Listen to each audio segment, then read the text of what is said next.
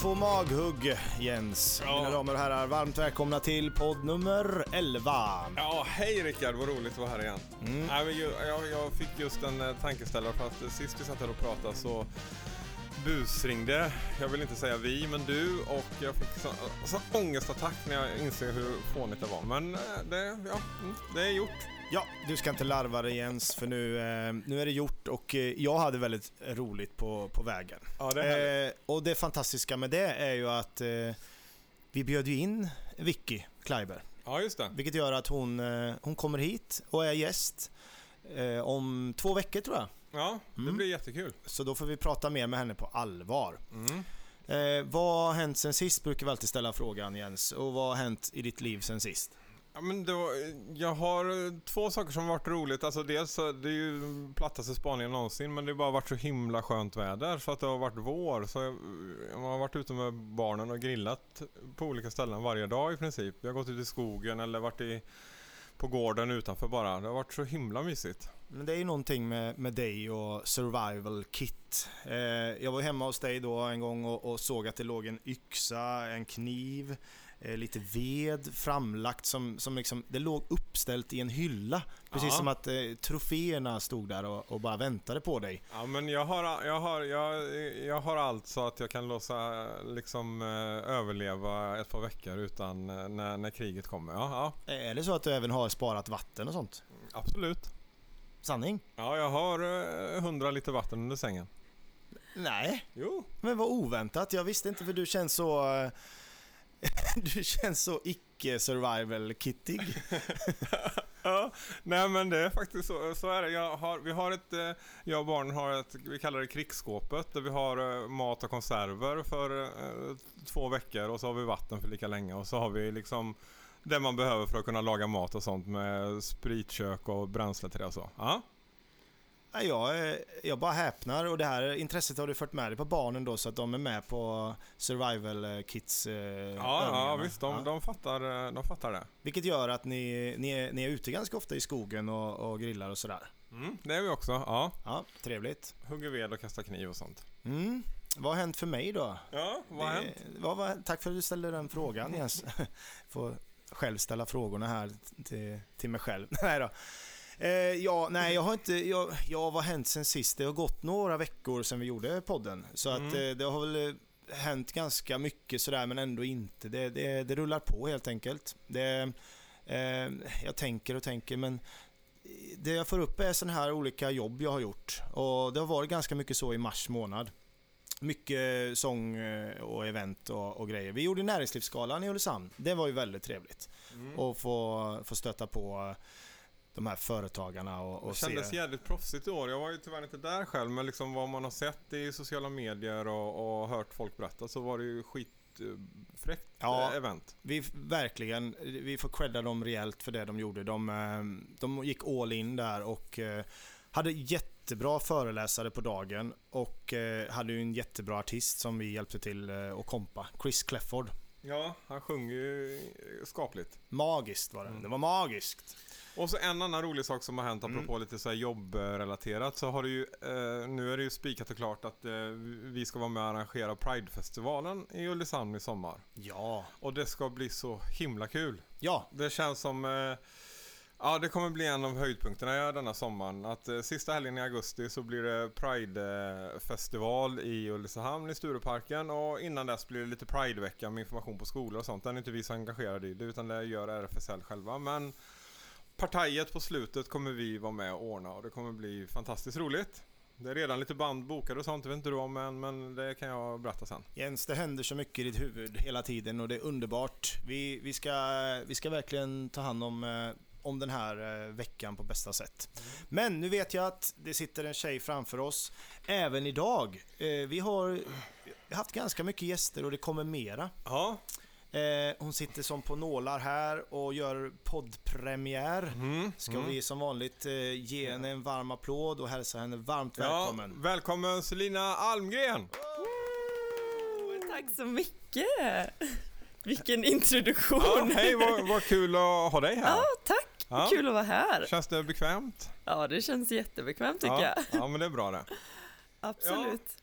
Men eh, vem är du då? Ska vi bara ta en Oj, snabb presentation om det är någon som inte vet vem du är? Ja, jag eh, 24 år, är härifrån, born and raised till Ulricehamn, lite utanför. App, app, app. Eh, jag frågar ju, ställde okej frågan innan. Du, du får vara ärliga här. Ingen ren, renodlad Ulricehamnare då. Nej, vart exakt eh, kommer du ifrån? Jag är från Ängabo. Ängabo, det Ja. vet vi alla vart det ligger. Vet vi? Sju Nej. kilometer utanför Gällsta. Okej. Mm. Eh, mellan typ Pobbo och Rösult. Det är idel orter som jag inte riktigt kan placera. Där har vi fem stycken starka Ängabo-hus. Det är så. Jag har, jag har haft vägarna förbi några gånger i Påbo. Ja. Eh, Påbo kapell. Ja, Där spelade vi in en film en gång. Eh, ligger det väldigt nära där då? ja det ligger ja, typ 10 minuter gång. Alltså om man tänker Rösult, ja, nu ser ju inte de som lyssnar här, men om man tänker Rösult och Pobbo så är det backen ner och där har vi liksom Ängabo. Där har vi Ängabo. Ja, så Mm. det är nära. Men eh, då, då innebär det att, eh, om man säger när du gick från eh, förskola och Mm. upp till sexan, går man där ute eller flyttar man redan då in till Ulricehamn? Nej, då gick jag i Gällstaskolan. Gällsta, ja. Ja. Sen så blir det ju Stenbock i Ulricehamn då. Och sen kommer gymnasiet. Ja. Och gick du även här då? Då gick jag i Borås på Bäckingsgymnasiet och läste samhäll beteendevetenskap. Ah. Mm. Ja. Men det får vi väl vänta lite med för vi Ja. brukar alltid Ja. gå lite kronologisk Ja, ordning sådär för att lära känna dig lite grann. Ja. Eh, om vi då börjar eh, där uppe på höjderna eh, i, utanför Påbo. Äng, Mm. äng, Ängabo. Ängabo. Mm. Eh, hur ser du på din eh, uppväxt i Ängabo? Oj. Bra. Jättebra. Alltså eh, det ligger ju liksom, alltså det är ju verkligen landet. Och det är, ja alltså som barn är ju det tipptopp liksom att växa upp så. Och vi hade ju, var, vi hade typ fyra hus runt omkring oss, min mormor bodde jättenära. Liksom man eh, lekte med alla barn i närheten och det var liksom ute i skogen och slåss med pinnar och, och liksom, ja, nej, men det var tipptopp. Sen är det kanske inte optimalt att bo som när man blir lite äldre. Det är inte så. Nej. Hade blir- ni tillräckligt med lekkompisar? Eh, eller var det, var det för få eller var Nej, det men- lagom? Vi hade det ganska bra för att jag och min bror då, eh, han är för två år äldre än mig. Vi hade liksom grannarna, de var i typ samma ålder. Sen hade vi ett annat grannhus och de var liksom också typ två, tre år yngre. Så det var så här. Det var, ja, Men då är du liksom en riktig bondtjej på något sätt egentligen. Ja. ja. typ. Nej, inte riktigt. Ja, men det, det, Vi- det låter så här Bullerbys-aktigt. Ja, nej, men lite. Vi, det är inte så att vi har haft djur och liksom den biten, utan det har verkligen bara varit Vad, vad gör dina föräldrar? Eh, pappa är egenföretagare, så han har en, eh, eh, vad säger man, han gör kemprodukter. I Boarp har han ett litet ställe. Gör, Kemprodukter, det Ja. låter så eh, vitt och brett. Vad, vad gör, eller så här städprodukter och sånt? nej, utan han gör eh, smäll-off-sprayer, ta- luktborttagnings... Smäll off. Alltså som de har på sjukhus. Vilket roligt ord. Ja, Smäll off. smäll- Ja. Ja. Ja, så det gör han och Det eh, han har gjort, ö- Det låter lite som en örfil. Så. alltså, det är en sån jävla smäll off. Ja. Smäll off, ja. Ja, nej han gör lite allt möjligt sånt. Han har gjort, ja, nu gör han fläckborttagningspennor. Som man, Jaha. Det Och, ser och det här tillverkas i, eh, i hans eh, lilla fabrik där Ja. Ja. stämmer Med bra. Många anställda eller? Nej, han är själv. Han har alltid varit själv. Han Jaha. trivs eh, bra att gå där uppe och göra sin grej lite. Eh, Men han har haft lite sommarjobb. Jag och min bror har alltid varit där och, på somrarna och liksom åkt det får inlines och försökt hjälpa till Det lite. var så här packare som stått och packat Ja, i lådor. Och, Precis, och ja. när vi fi- ja. Det är för roligt de här små företagen som finns alltså, som Ja. håller till i någon liten eh, byggnad, någon barack i skogen och, och gör så festliga saker liksom. Det är fascinerande att det finns. ja, absolut. Verkligen, och det är ju närproducerat och, han- och, och enkelt och, och få sköta om sig själv och så vidare. Och mamma då? Hon jobbar eh, med, eh, på Per Schirer här i stan. Hon är ekonomigrejs. Hon sitter på kontoret. Ja. vad, vad jobbar du med? Jag jobbar med data. med, med data. Ja, så det är hon. Det har hon också alltid gjort. Ja. Mm. Där, Är det också, är det också liksom eh, folk från trakten? Är släkten från trakten? Är, eller är de... Nej, mamma och pappa är från Borås från början. Mm. Och eh, min mormor flytt, eh, hon köpte en eh, stuga där då, i Ängabo. Eh, när, ja, jag vet inte riktigt när, men ja, det gjorde hon i alla fall. Och eh, då bestämde sig mamma och pappa för att flytta ut också.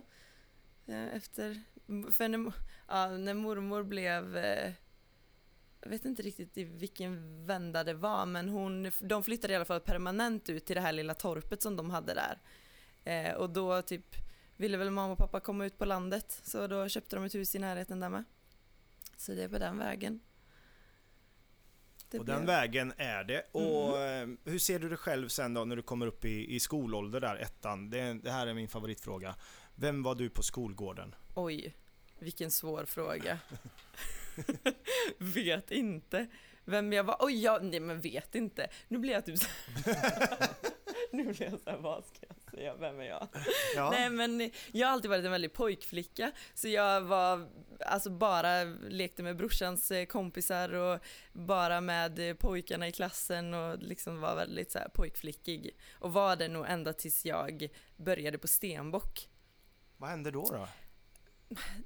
Jag vet inte vad som hände egentligen, men det är väl alltså man, man inser väl att man, man är ingen kille, man är tjej, blir lite intresserad av smink och man blir liksom så här, ja, Och Bara bli lite vuxen och, ja men man börjar bli och börjar liksom och så börja här, tycka killar är snygga och sånt också kanske. ja exakt, Mm. Ja. och då, ja. Men det här pojkflicka är ju något härligt och, och något som eh, jag tycker det är härligt för att ja, om man ser på dagens samhälle och, och, och pojkar och flickor, det, det, vi ska inte separera så mycket utan vi är människor liksom. Hur har du tagit vara på de eh, krafterna att, att eh, ja, senare i livet att, att känna dig som en pojkflicka?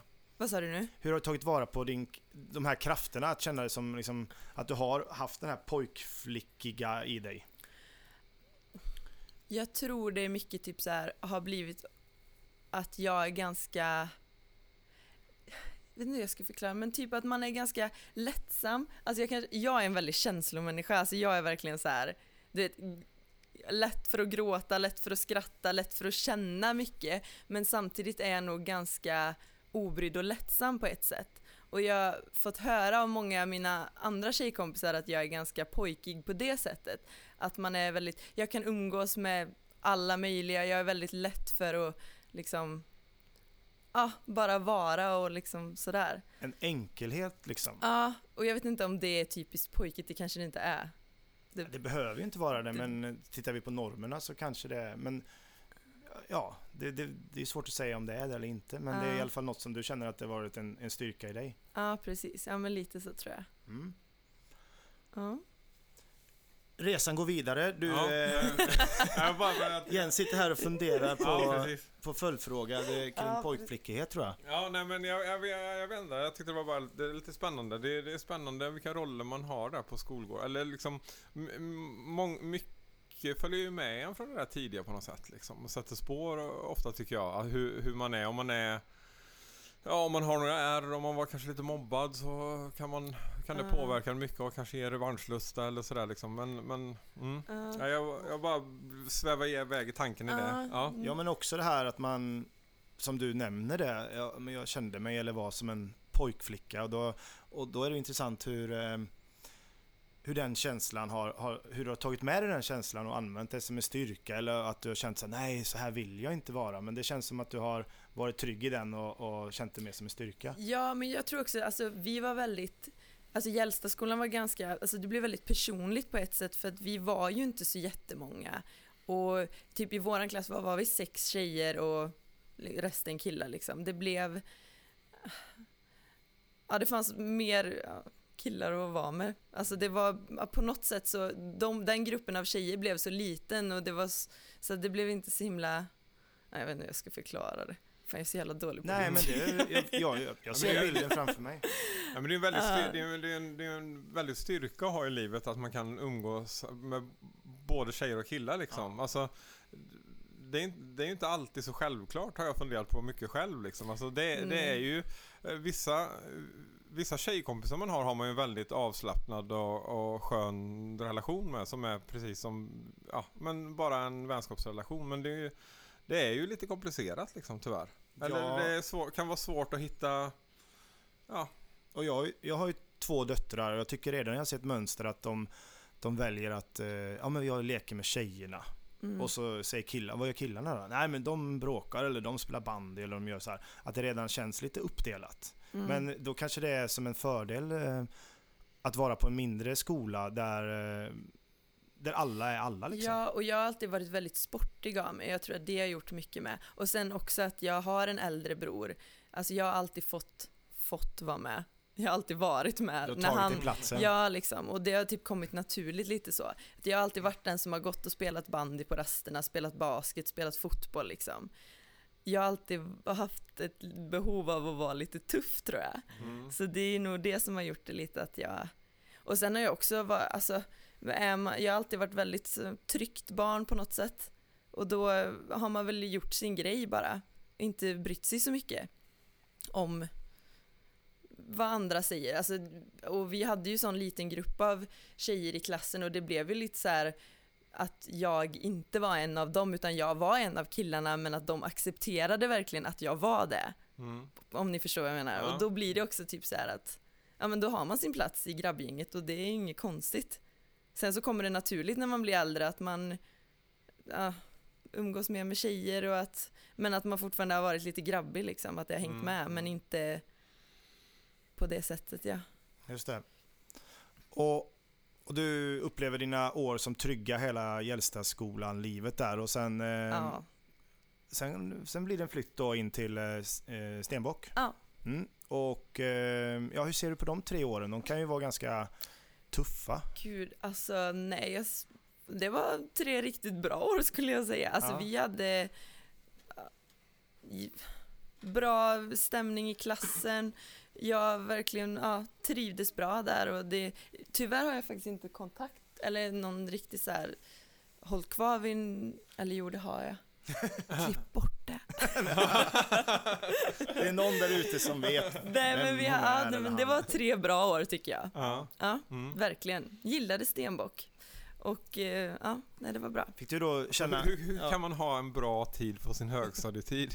Vidrig tid för Det är alla. bara att säga grattis. Ja, det är, Ja, men, alltså, jag, det är ja. jättehärligt. Är det så? Ja, att men- det är, Nej men alltså det är ju det är bara, nej det är inte vidrigt, jag ska inte säga att så farligt var det inte för min del egentligen, men det är ändå bara det är en tuff Alltså det händer ju mycket i, alltså det händer mycket i en och det händer Ja. mycket runt omkring, alltså alla alla är ju ganska osäkra och sökande Ja. där uppe och vimsiga och flamsiga. Man, Ja. Alltså det, är- det är inte, Mm. det är inte en, för mig så var det ändå inte en miljö som präglades av någon supertrygghet i skolan sådär liksom. Även om jag var ganska trygg. Eller liksom, ja. Ja, jag, Som jag du säger, Mm.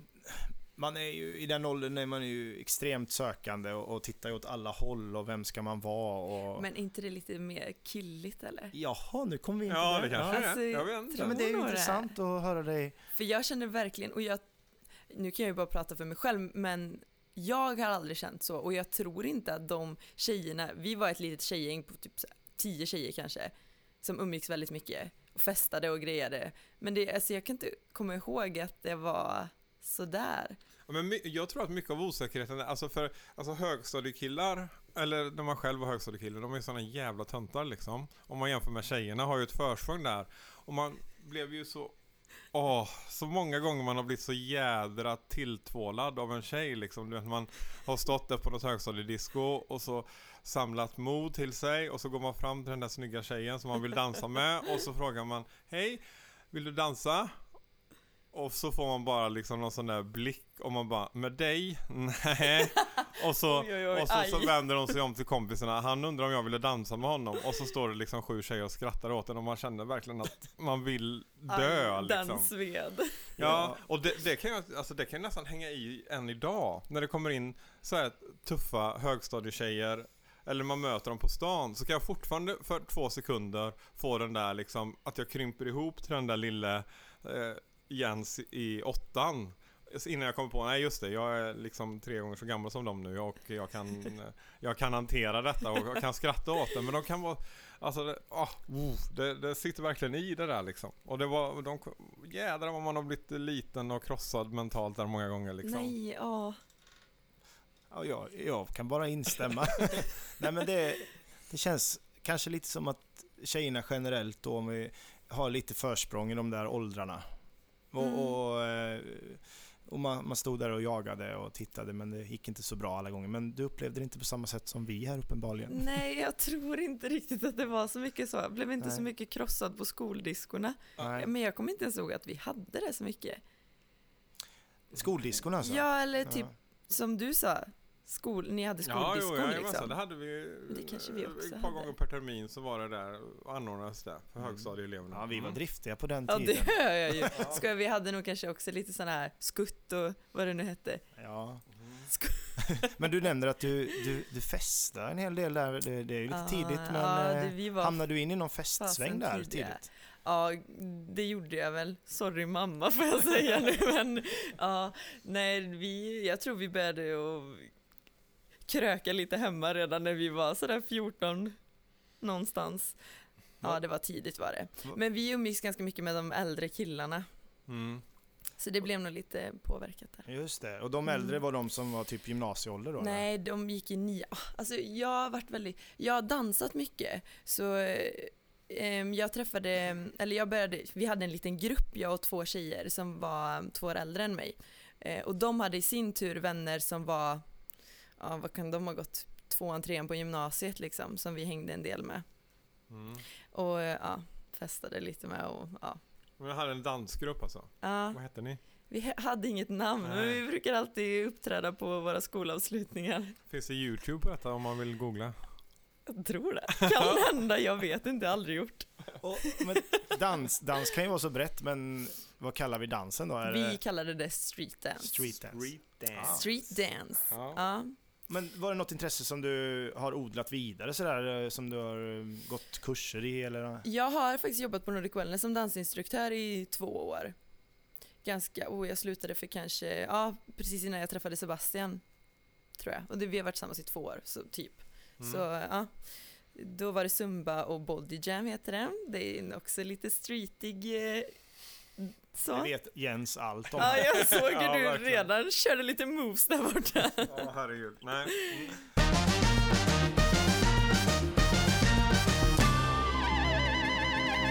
Ja, det var du där på högstadiet och Stenbock ja. Och sen så började du läsa, har vi redan konstaterat, i Borås. Mm. På, inte universitetet höll på säga, men vad heter det? Gymnasiet? Bäcking. Ja. Ja, Bäckäng.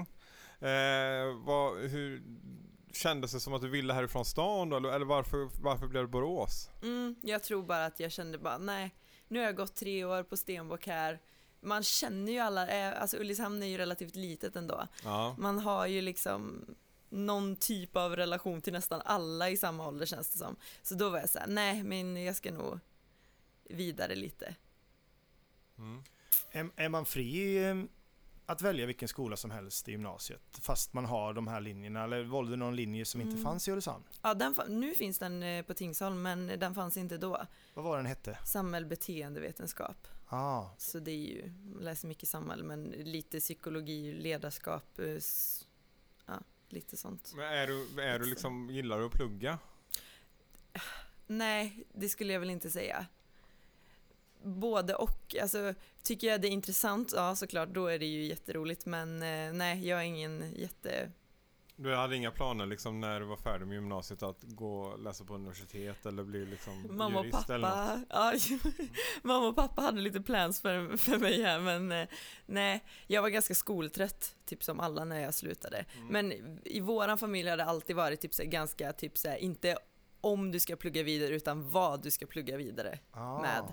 Så, så det var väl, ja jag har varit inne på så mycket olika grejer, fan ville bli sjuksköterska, eh, läkare, jurist, lärare, alltså det är verkligen, eh, jag är lite så här titel, eh, eller jag var lite titelkåt eller vad man ska Mm, säga. ja. Att man är så här, när man inte riktigt vet vad man vill, då är det lättare att läsa till någonting som ger en en titel. Och typ som sjuksköterska, då vet man, ja ah, du blir sjuksköterska, du vet även ifall man kan jobba med mycket inom det, så vet man att okej, du skulle kunna hamna på ett sjukhus och jobba med exakt detta. Och då blir det lite så här. Det finns ju något tryggt i att ha, ha, den där, Ja. ha det där lägget liksom. Man Verkligen. kan flasha liksom. Finns det någon läkare ombord så kan man bara, ja, ja absolut. Och, och något som är konkret också, som Ja, du kan säga, jag är det här. Ja men precis, och någonting typ så här, ja men jag pluggar till detta, då vet jag lite vad jag får sen också. Men eh, äh, det blev inte så helt enkelt. Men de var noga med, eh, var de väldigt noga med att du skulle plugga vidare då? Ja, alltså min bror gick direkt från till, upp till att plugga på Chalmers i Göteborg. Eh, så de var väl liksom så här, ja, nu är det din tur. Ja, nu är du 24 också så att du... Ja, man har ju- det, det, du har Nej, ett tag på dig. Du det- kan ju det- fortfarande börja bli läkare liksom. Så att, eh, Nej, det tåget har åkt. Nej, nej, nej, herregud. Men Nej, då, så, det är ingen skambeläggning eh, nu. Nej, nej, nej, alltså det var väl bara att gilla läget för dem. Liksom att okej, du börjar jobba och du, ja, man kan ju jobba sig uppåt också såklart. Och då eh, börjar jobba. När började du jobba då? Ja, efter gymnasiet så, jag har jobbat på massa olika ställen. Jag har jobbat på Attendo, eh, hemtjänst. mm. Sen har jag jobbat på lite olika fabriker. Jag har jobbat på Nordic Wellness i receptionen. Jobbade på ett annat gym innan det, Lidéns Fitness som la ner. Ja. Eh, ja, lite allt möjligt har jag gjort. Men då var du kvar i stan liksom? Du kände inte att nu ska jag flytta till Berlin och jobba eller Nej. någon annanstans? Alltså, jag eh, var tillsammans med en kille som bodde här i stan. Så det gjorde väl lite att jag också stannade här tror jag. Hade jag inte varit tillsammans med honom då hade jag säkert flyttat för länge sedan tror jag. Men det gjorde väl lite att jag var typ såhär, ja men det, jag har det ändå bra här och man var lite såhär, ja man hade sin trygghet här och mamma och pappa flyttade in till stan eh, för några år sedan också och då var det liksom lätt att på något sätt stanna här. För när man har bott så på landet och komma in till Ulricehamn och bo här, då tyckte man ändå att fan det här är ganska nice ändå liksom. Puls, Ja. Mm. Pappa och mamma behövde inte hämta mig där tre på natten utan jag kunde gå hem och ja, det var ändå ganska lyxigt tyckte man. Så du bodde hos, eller ni bodde tillsammans eh, under gymnasietiden? Nej, nej, nej. Nej. Jag, då bodde jag hemma fortfarande och sen så flyttade mamma och pappa in till stan och då flyttade jag ihop med den här killen då, här i stan också. Ja, okej. Så, mm, men jag har inte bott hemma sedan gymnasiet. Men, Nej, just det. ja.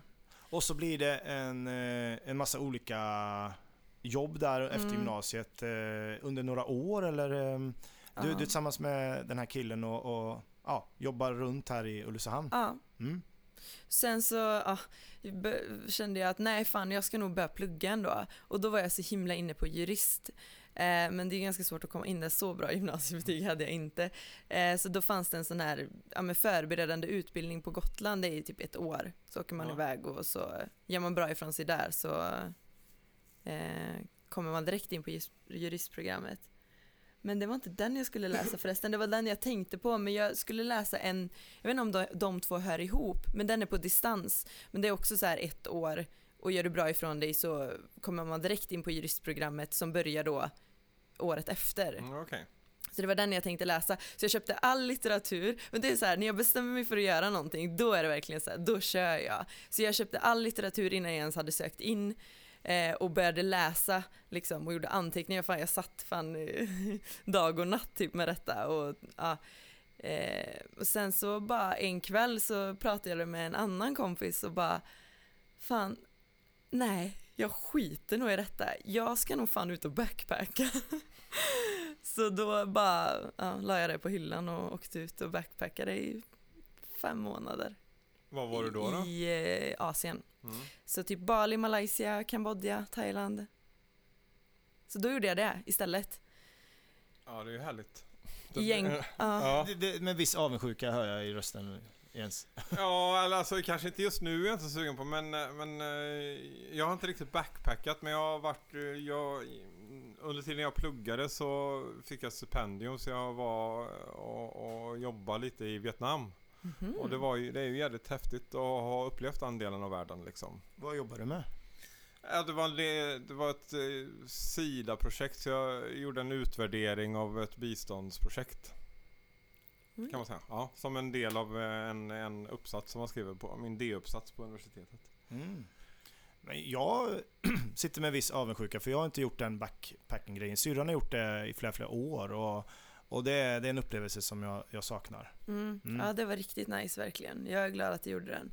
För det var, alltså, ja, det var ju för att det tog slut med den här andra killen jag hade då, så då kände jag bara fan nej nu ska jag ut Men och åkte du själv också eller? Nej, jag tänkte åka själv först, men så kände jag nej det kan nog vara kul att ha någon. Men man vill ändå typ så här, kanske inte åka med någon kompis man redan har, för man vet ju aldrig hur, man har hört så många historier. Det är ju ganska Ja. många i min ålder som gör den resan liksom, och är ute och backpackar. Men, eh, så jag skrev ut på något forum bara, hej jag ska ut, jag ska åka hit och hit, tänkte jag. Någon som vill åka med. Så då skrev en tjej från Göteborg till mig, sa bara, ja men jag, jag hänger på. Så då åkte jag med vad henne. roligt. Och Mm. det funkar bra. Alltså det funkade så bra. Vi blev typ som systrar. Alltså det var verkligen top notch. Det är ju skit. Det är ju Ja. väl, låter ju väldigt häftigt. Att få dela en sån grej tillsammans med någon främling då, men ja. Ja, Ja, verkligen. verkligen. Ja. Ja. Nej, det var riktigt nice. Mm. Och du gör fem år där och kommer tillbaka sen, eller fem år, förlåt. ja, eh, fem månader. Ja, Och så kommer du tillbaka till, eh, till Ulricehamn därefter. Och nu är vi i tidscykeln eh, ganska nära va? ja, nej, och det var det, jag kom hem 2017 till sommaren där. Ja. Eh, så ja, jag åkte vid årsskiftet där, 2016-17. Men ehm, ja, jo, vad var det jag skulle säga? Jo, jag hade, det var då jag jobbade på Nordic Wellness som receptionist och dansinstruktör. Eh, så jag tog eh, tjänstledigt för att åka ut och göra den här resan och tanken var att jag skulle komma hem igen och liksom fortsätta jobba där. Men då träffade jag en annan kille när jag var ute och reste eh, som bodde i två timmar utanför London där i Mhm. England. Eh, jag träffade honom typ tre gånger och sen så skrev han till mig och bara Men du förresten, vill inte du bara flytta hit så vi kan lära känna varandra lite bättre typ? Eh, och jag bara, ah fan, det gör jag. Ja. Eh, så då sa jag upp mig bara från mitt jobb och skulle flytta till den här killen och det är lite egentligen hur jag hamnade i den branschen jag är i nu. För då, jag har aldrig jobbat i restaurang innan eh, och eh, eh, det stället han bodde på då, han sa typ ja men eh, för jag skulle ju börja söka jobb då innan jag kom och han var typ så här, ja det, det är typ mycket restauranger här så att det, det får, du kommer nog liksom ganska lätt hitta ett jobb där. Eh, så då blev jag så himla inställd på att oh, men det är klart att jag ska testa det, för det var typ det enda jag kände att oh, men det har jag verkligen inte gjort alls. Eh, så då började jag söka jobb där. Sen så, ah, det var ju inte så otippat att det inte blev så, utan jag åkte hem istället. För ja, jag vet. Du, Det funkar inte med killarna alltså. Nej men alltså vi kände ju inte varandra Nej, det egentligen det och det var ju bara ett, ja, det var ju bara ett spontant så här, vill du komma hit och bo här? Ja, Ja. visst, Mm. typ. men du var där ändå en liten, en liten period? Nej, jag åkte inte alls. Nej, du åkte inte Nej. alls? Nej. Jag vet inte riktigt egentligen hur det kom sig, men alltså det rann väl lite ut i sanden tror jag bara. Mm. Alltså vi träffades i början av de här fem månaderna, Ja. så i slutet så var det liksom så här, ja men, jag vet inte, det Men bara blev inte så. Ni hängde under resan? Jag träffade honom i tre dagar tror jag, Jaha! så att eh, vi kände inte Nej, varandra nej, alls men han egentligen. gav förslaget och du nappade på det Ja. först? Ja. Och han var något år yngre än mig också, så jag är ganska spontan som person och det var han med, obviously. ja, ja. så det blev, alltså det blev bara inte så. Nej. Men där väcktes i alla fall en tanke, eh, Precis. verkar det som, med Mm. mm. restauranglivet Ja, på något sätt där. ja. Ja, för vad hände då?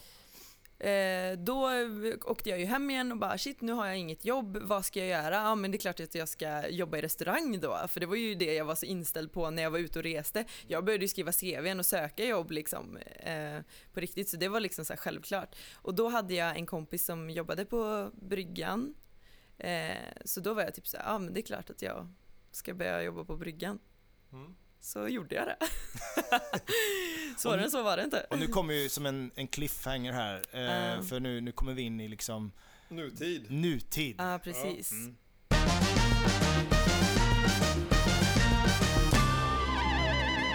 En liten sucker för Treo. Ja, men Jens dricker ju Treo som eh, han dricker, eh, som en annan dricker vatten på morgonen. Alltså, Jensan. Men vi pratar ju om ålder och ålder och sådär. Är, är det Treo som håller dig uppe eller? Ja, men ibland är det... Jaha. Jo, det jag gillar trio.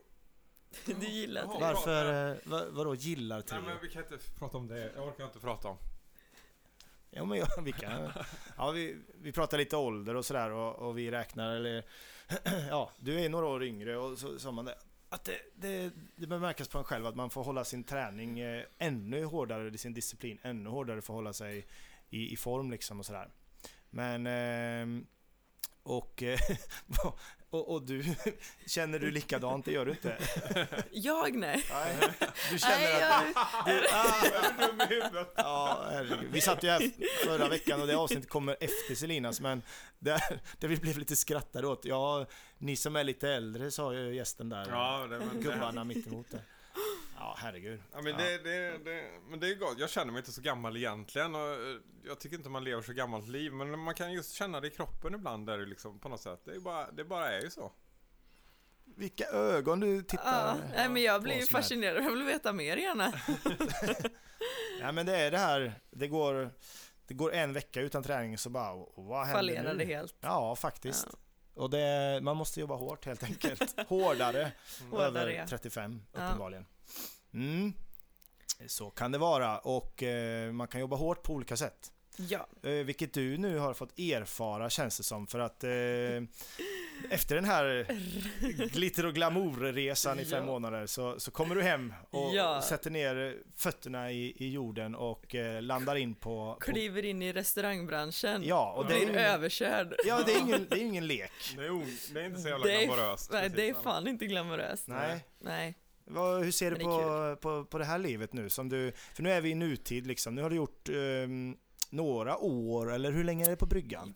Ja, alltså jag har ju gjort en och en halv säsong kan man väl säga. Mm. Knappt det. Alltså hela förra säsongen då. Säsongen är ju mellan april och september. Och då jobbar man bara, In, inget annat. Man sover och jobbar. Eh, och sen jobbade jag ju när jag kom hem då.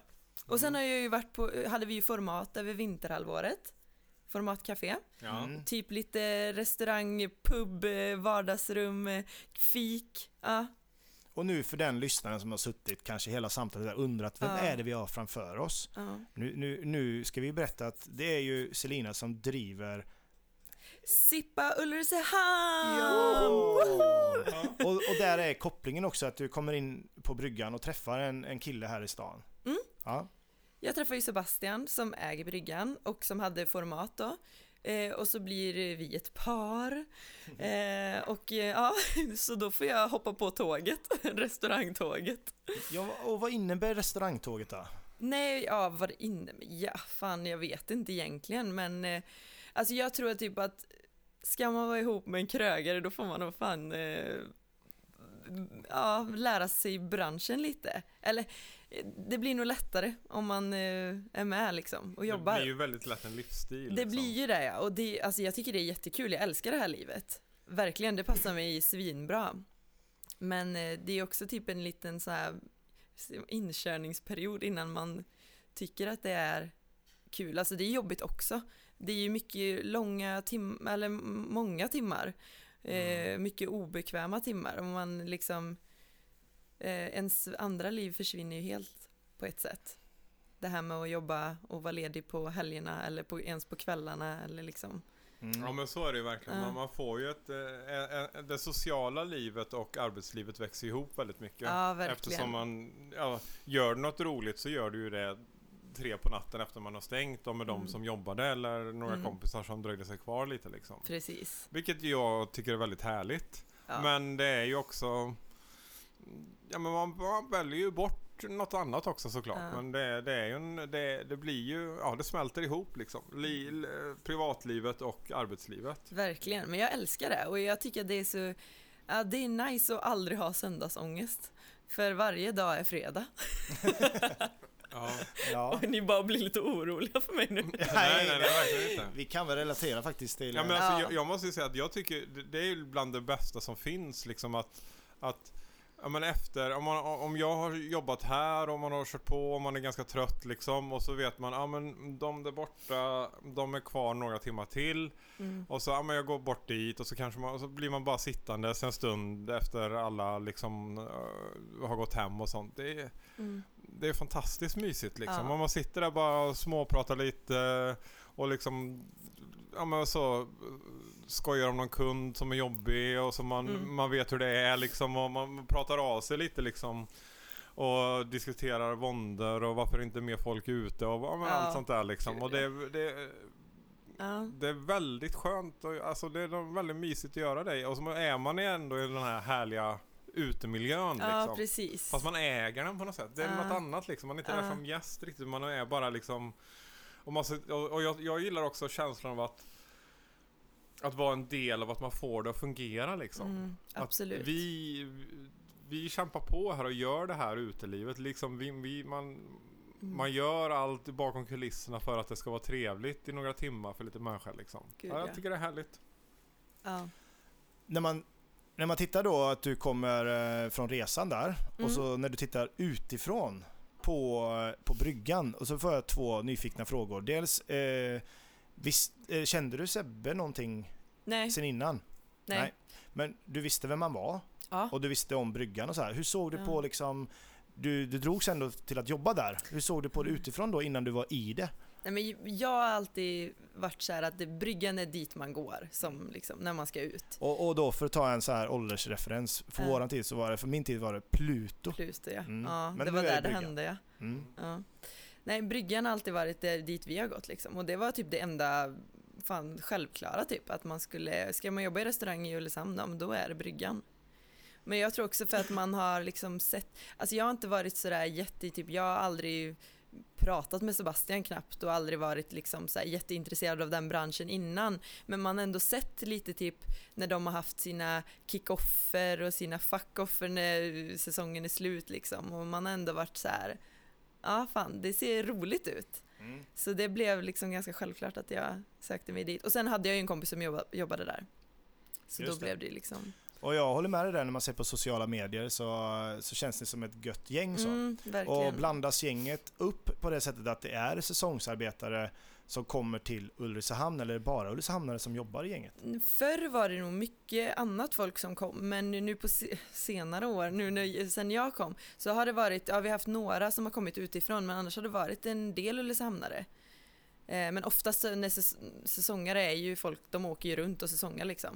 Mm. Så, eh, men det har nog varit lite olika. Mm.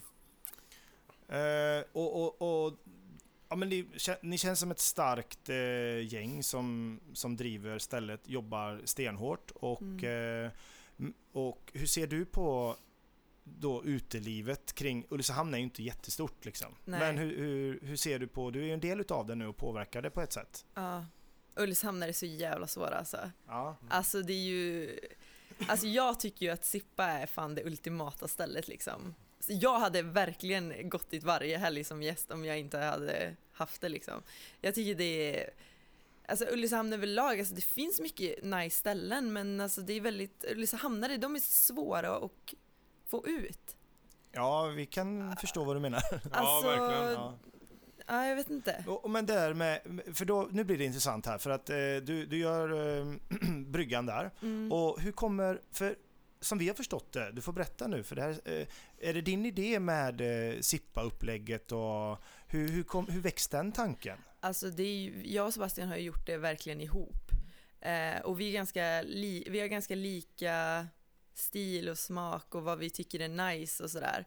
Eh, så att, nej, vi har verkligen så byggt upp det ihop. Men det började med, vi hade ju format, eller vi hade inte, han hade format och jag jobbade där den eh, vintersäsongen då efter bryggan. Och format var ju också typ, alltså jag älskar format. Nu när man har gjort om det till Sippa och tänker tillbaka på format, då blir man ju såhär wow, det var ju jättemysigt och men det var också svårt, vi hade väldigt svårt att eller vi, ja men jag hade väldigt svårt också att veta vad det egentligen var för någonting. Ja, för det var en blandning mellan café, lunch Ja. och sen var det, hade ni alkoholrättigheter så det blev liksom Ja, pub ibland och sådär. Ja. det, det blev verkligen, det var ju den här vardagsrumskänslan men det var väldigt mycket typ så svårt att veta vad, vad man var. Typ, Ja. Man hade inte så, så mycket bar att man bara, ja men vi är verkligen en ölpub. Utan det var verkligen, vi är lite café, vi är Ja, det- restaurang. Det, det, vi- är svårare än vad man tror och försöka vara liksom, då blir det som, ah, Ja, okej vi har två bullar och Ja. någon kladdkaka och det är inget fel på det men det blir liksom, ah, och sen så, ja. det blir Och vi liksom, kan blanda några schyssta drinkar, vi har några schyssta, men det blir liksom, ja. det blir så spritt, det blir liksom så Mm. li- lite av allt att det blir svårt att veta typ vad det är man ska göra med stället typ. Sen kan man ju tycka att det på ett sätt så kan man ju känna men det vore ju perfekt. Då kan man ju gå dit oavsett vilket gäng Mm. och vad folk vill göra. Men, men det, på något sätt blir det inte så. Utan folk vill gå till ett tydligt liksom Mm. Tydligt koncept liksom. Ja. Sippa är ju ett väldigt tydligt eh, koncept. Eller liksom Ja. McDonalds. Alltså man vill gå Ja. till de där liksom. Ja men det här, det här är detta. Ja, precis. Och så ska alla ta göra samma sak liksom. Mm. Och på tal om tydlighet så, så är ju Sippa verkligen tydligt. Mm. Det, det är ett, något helt nytt och det är en, en, en, eh, en stil som är all in. Mm, Och verkligen. hur kommer den, vill du berätta om den eh, tanken och den stilen eh, på, på hela stället? Mm. Sippa är ju en eh, tapasrestaurang, cocktailbar eh, och vi har jobbat väldigt mycket ut efter det här burlesk-temat. Så eh, hela stället är ju helt svartmålat, väggar, tak, golv. Vi har klätt baren i mosaik, den är jättehög så den blir väldigt så här, maffig. Sen har vi fönsterbrädorna i svart mosaik, vi har väldigt mycket sammetstyger. Vi jobbar väldigt mycket med neonskyltar, rosa neonskyltar och eh, spelar bara jazzmusik liksom. Så ja, vad var det du frågade? Ja, men det var nu precis det du förklarade. mig typ. Ja. Och, för det var ju så man upplevde det. Det dök ju upp ett Instagramkonto där, Mm. Sippa. Och alla, eller de man pratar med, vad är det de Ja. gör? För det var så eh, otydligt i sin tydlighet. ja, precis. Men vi ville ju typ bygga upp den här nyfikenheten på vad Sippa skulle bli. Så vi, när vi renoverade, vi började ju renovera i slutet av, eller i höstas var det nog. Ja, eh, och då eh, Då... Jag bara, Fan, nu blir jag helt okoncentrerad när jag tänker på vad vi gjorde egentligen. Men Ja, men det, det känns Eh, som att det ja, hände vi- mycket där. ja, vi ville bygga upp den här nyfikenheten så vi satte för papper för fönstren. Ja. Eh, och sen så kände vi bara, men vi börjar instagramma lite detaljbilder för att få upp det här, okej, och vi sa inte till någon vad det skulle bli utan det var verkligen så här, lite hysch för att skapa det här, eh, ja den här nyfikenheten så att folk skulle komma till oss. Så det var det vi gjorde och ja.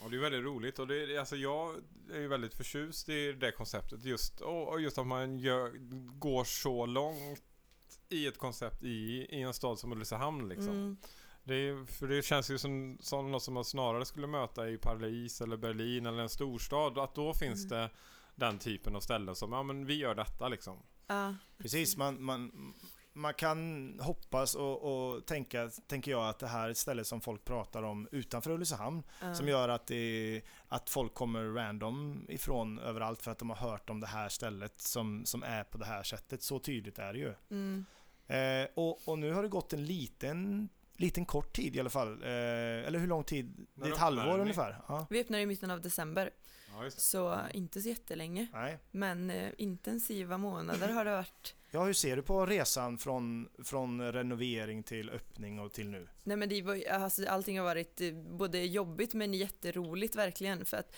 det har varit så kul att få verkligen så här från första idén och liksom bygga det hela vägen med vad vi ska ha för kläder, vad vi ska spela för musik, liksom att vi ska ha svart toapapper, att det- det ska liksom vad, vad det ska stå på neonskyltarna, alltså att allting har varit så utefter det här temat. Och det är ganska, det är tacksamt att ha ett tema också. Det blir lättare på något sätt att sätta alla de här detaljerna. Jag är väldigt så, jag tycker det är jätteroligt med eh, just de här detaljerna och det som gör, skapar hela, hela Mm. grejen liksom. För det är så viktigt med vad man har för musik eller vad man har för kläder. Eh, ja, och så det, det har verkligen varit så roligt, men eh, tufft också. Mm. Stör det ibland att folk liksom inte... Eh, eh, man skulle kunna... Alltså att folk kommer in i sina vanliga kläder. Jag tror Sebastian gör det mer än vad jag gör det. Jag är bara glad för alla gäster som kommer. Jo, det är klart att man är det. Men det hade ju varit så jävla tufft. Och jädrar, det hade varit så väldigt tufft om, om folk hade liksom eh, dressat upp för, Ja, för det. Liksom, om, man kom, Ja. om alla var svartklädda eller hade sådana galna klänningar och, Ja. och grejer. Liksom. Det, det blir ju... Jag vet jag har kommit in där någon gång själv. Och man, jag, ja, jag hade varit uppe och jobbat tror jag på... Ja, men jag hade hållit på uppe när det var världscup och hade liksom typ termobyxor och någon pulsig jacka. Det var, det var inte så mycket folk där men man kände sig, ja, ja, ja, okej då. Ja. Men liksom, man kände sig, fan man, här vill man vara lite snygg liksom, ha på sig en hatt lite på sned och Ja. komma in. Det hade eh, är ju jävligt coolt om, om om man eh, lyckas med ibland liksom. Ja, det hade ju varit det ultimata liksom om folk verkligen hade tyckt det var roligt och velat liksom så här bjuda till lite. Men fan, Ulricehamnare är så svåra. Ja, nu kommer vi Det in på det riktigt igen med svårt. Ulricehamnare är Ja. svårare. Vad, vad menar vi med det då? Nej men, jag vet egentligen inte vad, vad det är, men jag tycker typ att Sippa är ändå ett ganska så här, ja men som du säger Jens, det är väldigt så tydligt koncept och det är väldigt så här, vi, vi har tapas och vi har bra drinkar och, men att själva stället, det är ju ganska mycket att ta in när man är på när man är där liksom. Det är, vi har, alltså det är neonskyltar och jag går runt i korsett och Sebastian i hatt och det är jazzmusik och men att typ att det blir så svårintagligt och att folk blir så här, "Oh, jobbigt, nej, fan vi vill gå till något ställe som är lite lättare. Här har de liksom- tre fatöl, vi kör på det Ja, liksom. men det kan ju vara lite man känner att det ställs krav på en liksom. Det är lite Ja. som att bli inbjuden till maskerad liksom. Okej, nu ska, måste jag klä ut mig till Superman för att kunna gå på Ja. den här festen. Precis. Men skrämmer det den ordinära vanliga Ulricehamnaren då? Jag kan känna typ nu att det, det börjar bli mer och mer så att man tänker att folk tycker att det är för mycket liksom. Att Ulricehamn kanske inte riktigt var redo för ett sånt här extremt ställe. Fast det är inte extremt, det låter ju väldigt extremt. Men när man kommer dit så är det inte så extremt. Alltså när man förklarar Sippa så är det, alltså, det är lite svårt att förklara det så att det blir på ett rättvist sätt kan jag tycka. Alltså det är extremt på ett Ja, men det sätt. är ju extre- alltså, som utomstående så det är ju extremt estetiskt liksom. Eller alltså hur Mm. det ser ut. Men, men jag menar det, det, är det är ju inte, det är en väldigt välkomnande känsla liksom. Det Ja. Alltså kommer du in där så, så känner man ju sig en, välkommen tycker jag. I, på grund av hur ni är liksom. Mm. Eller alltså ni som jobbar där. Det är ju inget sådär det är ju inget besvärligt ställe egentligen liksom. Nej. Det är bara att man vill göra det snyggt. Ja, exakt. Och jag tror, alltså Sippa är ju väldigt personligt. Dels för att det är att vi har liksom byggt upp det från, alltså målat väggarna till att sätta menyn till att bestämma hur drinkarna ska se ut liksom. Alltså allt det här, det, det är ju personligt. Och sen är det ju personligt på så sätt att jag och Sebastian jobbar ju alltid. Jag jobbar alltid i serveringen och han står alltid i baren. Liksom. Så det blir ju, och från början så kände vi att ja, men vi vill vara där för att veta att det är bra. Men nu är det mer så här, vi vill vara där för att vi gör stället lite också. Mm. Det är ju typ som du alltid är här. Ja, nej men så och det. i Det är ju- Ulricehamn, alltså de Ulricehamnare gillar ju det tänker jag. Mm. Ja. jag Att tror det att blir det det är här. jätteviktigt att man går man går ju liksom till, eh, man går ju snarare till Selina och Sebbe än, än, än till Sippa nästan. Ja, liksom. det blir, ja. Mm. Eh, Märker ni det i, i kundkretsen också på, på ett sätt? Att eh, människor som ni känner och att de lite utanför kretsen är svårare att få dit? Eller hur känner, känner ni på den? Både ja och nej. Eh, jag kan tycka att vi har typ en, ah, en publik på fan 60 personer nu som kommer och går liksom. Men att de utanför den här eh, liksom är svåra att få dit. Mm. Men de som väl har börjat komma, de, de gillar det men det är liksom, det är svårt att nå ut till folk som eller det är svårt, alltså typ vi tänkte först att okej men vi, vi öppnar det här och kör, ja men vi, vi har våran mat och våra drinkar och det är jävligt bra och det ska få folk att komma. Men det är väldigt svårt att, eh, man behöver nästan något extra för att få folk att verkligen så här upptäcka oss på något sätt. mm. Det var därför vi jobbade lite med typ det här att ja, men vi skulle bygga upp den här nyfikenheten på Instagram till exempel, att folk verkligen skulle komma ut och men jag vet ju, alltså jag har ju kompisar som aldrig har varit hos oss liksom. Det, man vet ju, alltså vi det känner ju igen fenomenet på det sättet att vi jobbar ju med event och underhållning i mitt fall och sådär.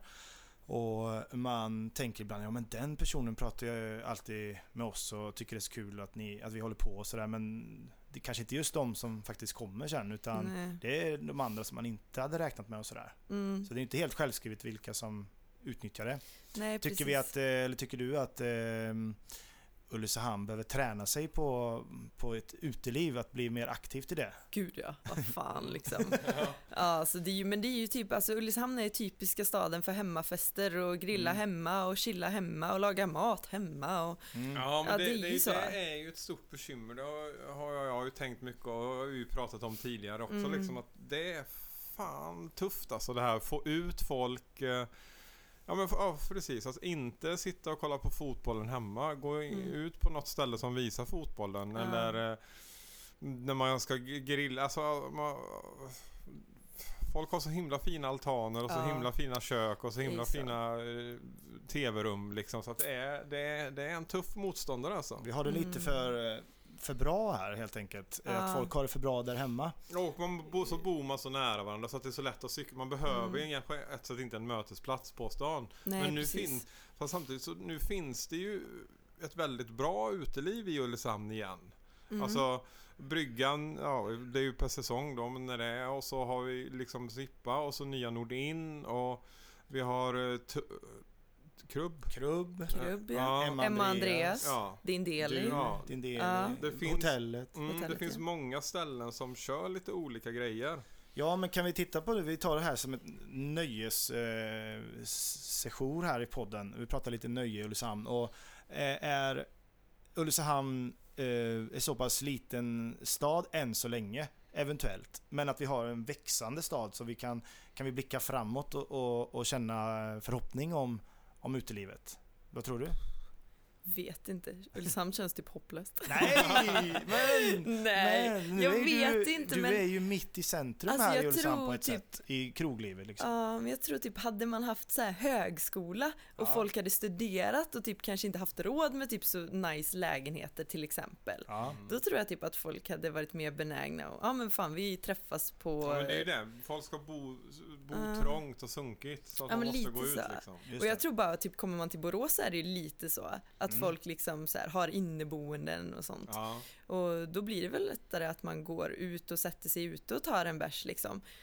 Men alltså alla mina kompisar har ju fan jättefina lägenheter och trädgårdar och jag menar Men det är helt galet att liksom 20-åringar ska Ja. ha råd med en lägenhet. Ja, De ska men ju det- bo i ett jävla skiffer Ja. bara liksom. Enkelt dela rum med en säng Ja. och så det enda, man, går ut och käkar och lever ute. Ja. Men jag tror typ det är liksom lite kulturen också att Mm. fan... I'm, Men det, känner du att du har tålamod och ork och kraft och, och hänga, i- gö, ta vara på det här som, för det kanske krävs många år här jo, av troget kämpande för Ja. att, för att, för du, du är ju, eller du är en del utav det, du är ung och har kraft och, och det är det här som Jens garvar här med ålder igen, vad fan. Ja, ja. Nej, nej, nej. Men i alla fall ha kraften och, och liksom det här. Ja. Att, att orka, det är ju Jag liksom... ser din trötta kropp som sitter här och liksom försöker bara. Och du som i alla fall har kraften, snälla Selina rädda oss. Rädda! Oh, yeah. Ja, vad fan vad låter gammal. Jag måste skärpa mig nu. Ja, ja, men eh, okej. Spola tillbaka man- bandet. Nej, men jag menar ju bara så här att eh, det, det, det, vi, det är bra också, för vi, vi har suttit i den här podden många gånger och pratat så jädra bra om Ulricehamn hela tiden. mm, Men vi återkommer till, om det är något som är negativt så är det väl det här då. Att, att krögare och eh, som har ambitioner, att det är svårt att locka dit eh, folket liksom. ja. Men ibland, alltså man kan ju verkligen bli förvånad ibland att man, när man har olika event liksom. Alltså, eh, det kommer oftast, ofta när man hittar på något kul så kommer det ju folk liksom. Men, men Mm. man kan ändå bli liksom förvånad över att Jaha, kom det inte mer? Om, om man tycker liksom Alltså vissa spelningar jag har haft eller när vi har haft något i parken ihop Rickard, du och jag och sånt och, och Ja men allt möjligt man, man har och så kan man tycka liksom om, om folk hade varit någon annanstans Om folk hade eh, varit i London och så hade de gått på någon liten bakgata där och så hade de ramlat ner och så hade de kommit till, till en sån spelning som jag hade häromdagen till exempel som var en kille som stod som spelade countrymusik skitbra. Jag stod nästan och grät själv liksom för han var så vackert, han var så duktig. Alltså, då hade de liksom pratat om den spelningen. Oh men så var, alltså, han var så, det var helt magiskt och vi satt där, det var en liten lokal och det var trångt och massa folk och, Alltså, och så sker det. Så, sen så är det folk som gör detta i stan. Det sker här liksom. Men Mm. då så sitter man hemma och kollar på Let's Dance istället liksom. Och det, alltså, alltså Herregud. Ja, och det, det, någonstans så tycker jag det är lite, alltså det, alltså det är så, man vet inte, man, man kan ju aldrig skylla på, på jag menar, man, man, får man kan ju aldrig skylla på någon annan än, än sig själv. Man får ju göra det folk vill ha, men, men Mm. ibland så blir man bara förvånad. Det är svårt att liksom få till det. Man känner, hur kan, hur kan Ja, inte, men vi får inte fler för, människor... Ja visst, men vi bor ju bara f- 10-15 tusen i, st- i, sta, i stan också. I, Ja. I Borås bor det fler, i Göteborg bor det fler, så det är också Ja. en, en grej. Men jag tror att folk går, alltså, jag tror att det är mer personer per capita ute i Göteborg ändå. Alltså, alltså, av 100 personer så tror jag, eller jag tror man, varje person är ute lite mer i en stad som Göteborg än vad man är här. Det är möjligt. Beroende på hur man med. bor och sånt. Ja. Liksom. Men det måste ges möjligheter och det är det som ni... Ni ger ju folk möjligheterna. Mm. Och, och det här halvåret, om vi utvärderar det. Och framtiden nu då? Vad tänker du om framtiden? Ja, vad tänker jag? Men det här halvåret har varit jättebra. Oj. Ja. Eh, alla är jättebra. Jo men man har väl jobbat in sig och man liksom ja, har visat vilka vi är nu. Typ med, vi tänkte ju först att vi bara skulle ha restaurang, ingen livemusik. Ulricehamnare älskar ju annars livemusik men det har ju fan alla nu. Så det känns som att eh, vi klarar oss kanske utan det. Och jag menar vi har 65 sittplatser, hur jävla svårt ska det vara att ha fullsatt tre dagar i veckan?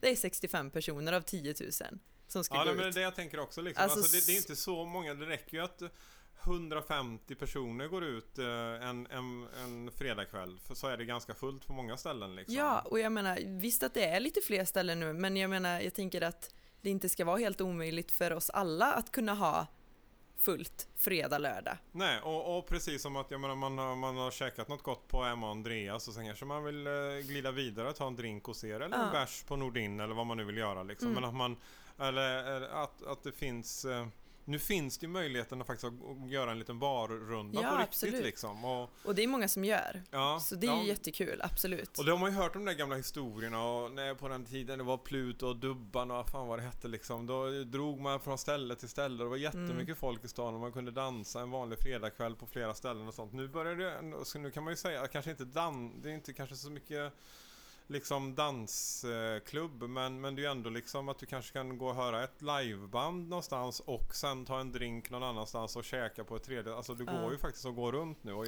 Absolut. när, eh, fredag, lördagkväll och ha en jädrigt skön kväll alltså. Mm, absolut, men jag tror typ många ungdomar har blivit lite kräsna också. Det är så lätt att åka till Borås eller Jönköping.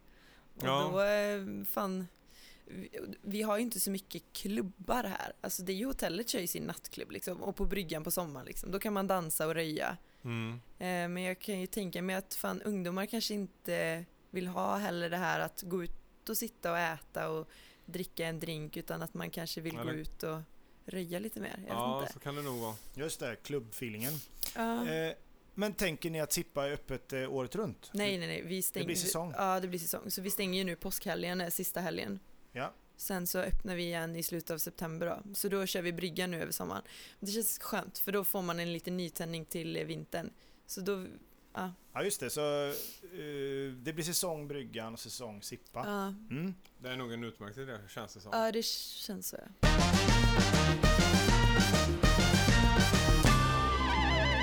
Sommaren eh, står inför dörren, våren är här och det är ju härligt. Woo! Och ni eh, stänger, eh, när stänger ni Sippa?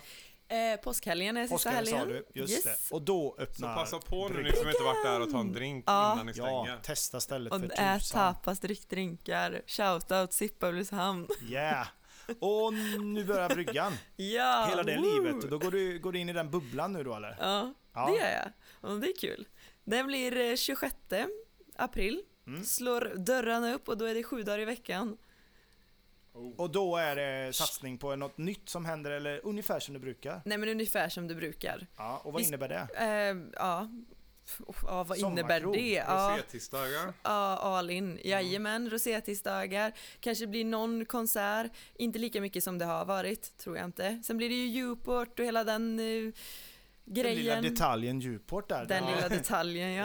Ja, är Ja. Det, då är det jobb antar jag. Ja, då blir det jobb ja. Ja. Då är det all in på riktigt. Ja, då får ni känna att ni, ni Att vi lever. Ja, nej men det är jättekul. Det har ju varit vissa tveksamheter kring Djuport men eh, beslutet har tagits eh, och det känns bra nu eller? Ja, men jag tror vi alla är väldigt taggade. Eller tror, jag vet att vi är väldigt taggade. Ja. Ja, Ni, ni har orkat att mobilisera och, och känner att kraften finns. Ja jo men det tror jag. Men det är så här, man glömmer snabbt hur jobbigt det var. Eller glömmer och glömmer, Ja, man kommer ser väl man de ihåg. där sköna filmerna från publiken Ah, som står och gud. hoppar så är man Mm. all in igen. ja verkligen. Vi är väl inne på att det kommer bli ett eh, avsnitt även med Sebbe här i framtiden där vi ska Mm. liksom vi får kalla det Sebbe Djurport eller någonting och, och specialprata om, om sommaren där, om Mm. Djurport. För det är ju många som är nyfikna på såklart. Ja, det är Det klart. känns som det kommer bli en bra sommar i Ulricehamn tycker jag. Vi kommer ju, alltså, alltså vi kommer köra våran grej i Stureparken, eh, du och jag Rickard och, och Och Maria. Maria. Och eh, Hotellet ligger nära. hotellet ligger nära där och eh, bryggan kör. Så att jag, menar, jag Mm. tror att vi kommer ha en väldigt skön utesommar tillsammans. Vi kommer ha Pride-festival, vi kommer ha Djurportfestival. Kul. Det kommer hända mycket Yes. eh, den här sommaren. Mm. Hoppas på ett sånt där magiskt väder igen. Ja. Eh, ja. Ja, det det vore tipptopp. Eh, vilket härligt samtal att få, eh, få bekanta sig lite med dig. Jag har inte träffat dig mer än några gånger sådär i jobbsammanhang. Mm, Liksom. ja, precis. Härligt. Om, om vi liksom ska eh, avrunda lite grann och så brukar jag ha, jag har en favoritfråga. Eh, om du får rekommendera något i livet, vad vill du rekommendera då? Prosecco. Bra! Eh, Tydligt, bra. To-do-lists och prosecco. Ja. Ja. Pinterest. Ja, Nej, jag vet. Eller vad tänkte ni på? Nej, jag Nej, det det är var helt- precis så. Det var precis så. Var det något, eh, eller vad har de andra rekommenderat? Det andra kommer jag gäster? inte ihåg. Nej, ta vara på eh, tiden du har, eller vad var det han Oj. sa? Där. Mm. Ja. Ja, Ja, det var mer eh, lite flummiga saker. Det här var väldigt konkreta tips. Prosecco och Kids ut, eh, ut och köp en flaska prosecco Oh. och det är, solen skiner idag så det är inget att tveka på. Inget att sveka. Och det är fredag! Ja, välkomna till Sippa ikväll då. Ja! Ja, fast det här sänder vi ju... Ja, det sänds ju inte. i- Det fan. inte idag. Det är en fredag idag och när ni lyssnar så är det kanske en onsdag eller en torsdag, inte vet vi, det här är inte live. Nej. Men oavsett, välkomna till Sippa, välkomna till bryggan och stort tack till Selina som har varit dagens Tack! gäst. Tack, tack, tack, tack. Ha det bra! Ha det gött, hej!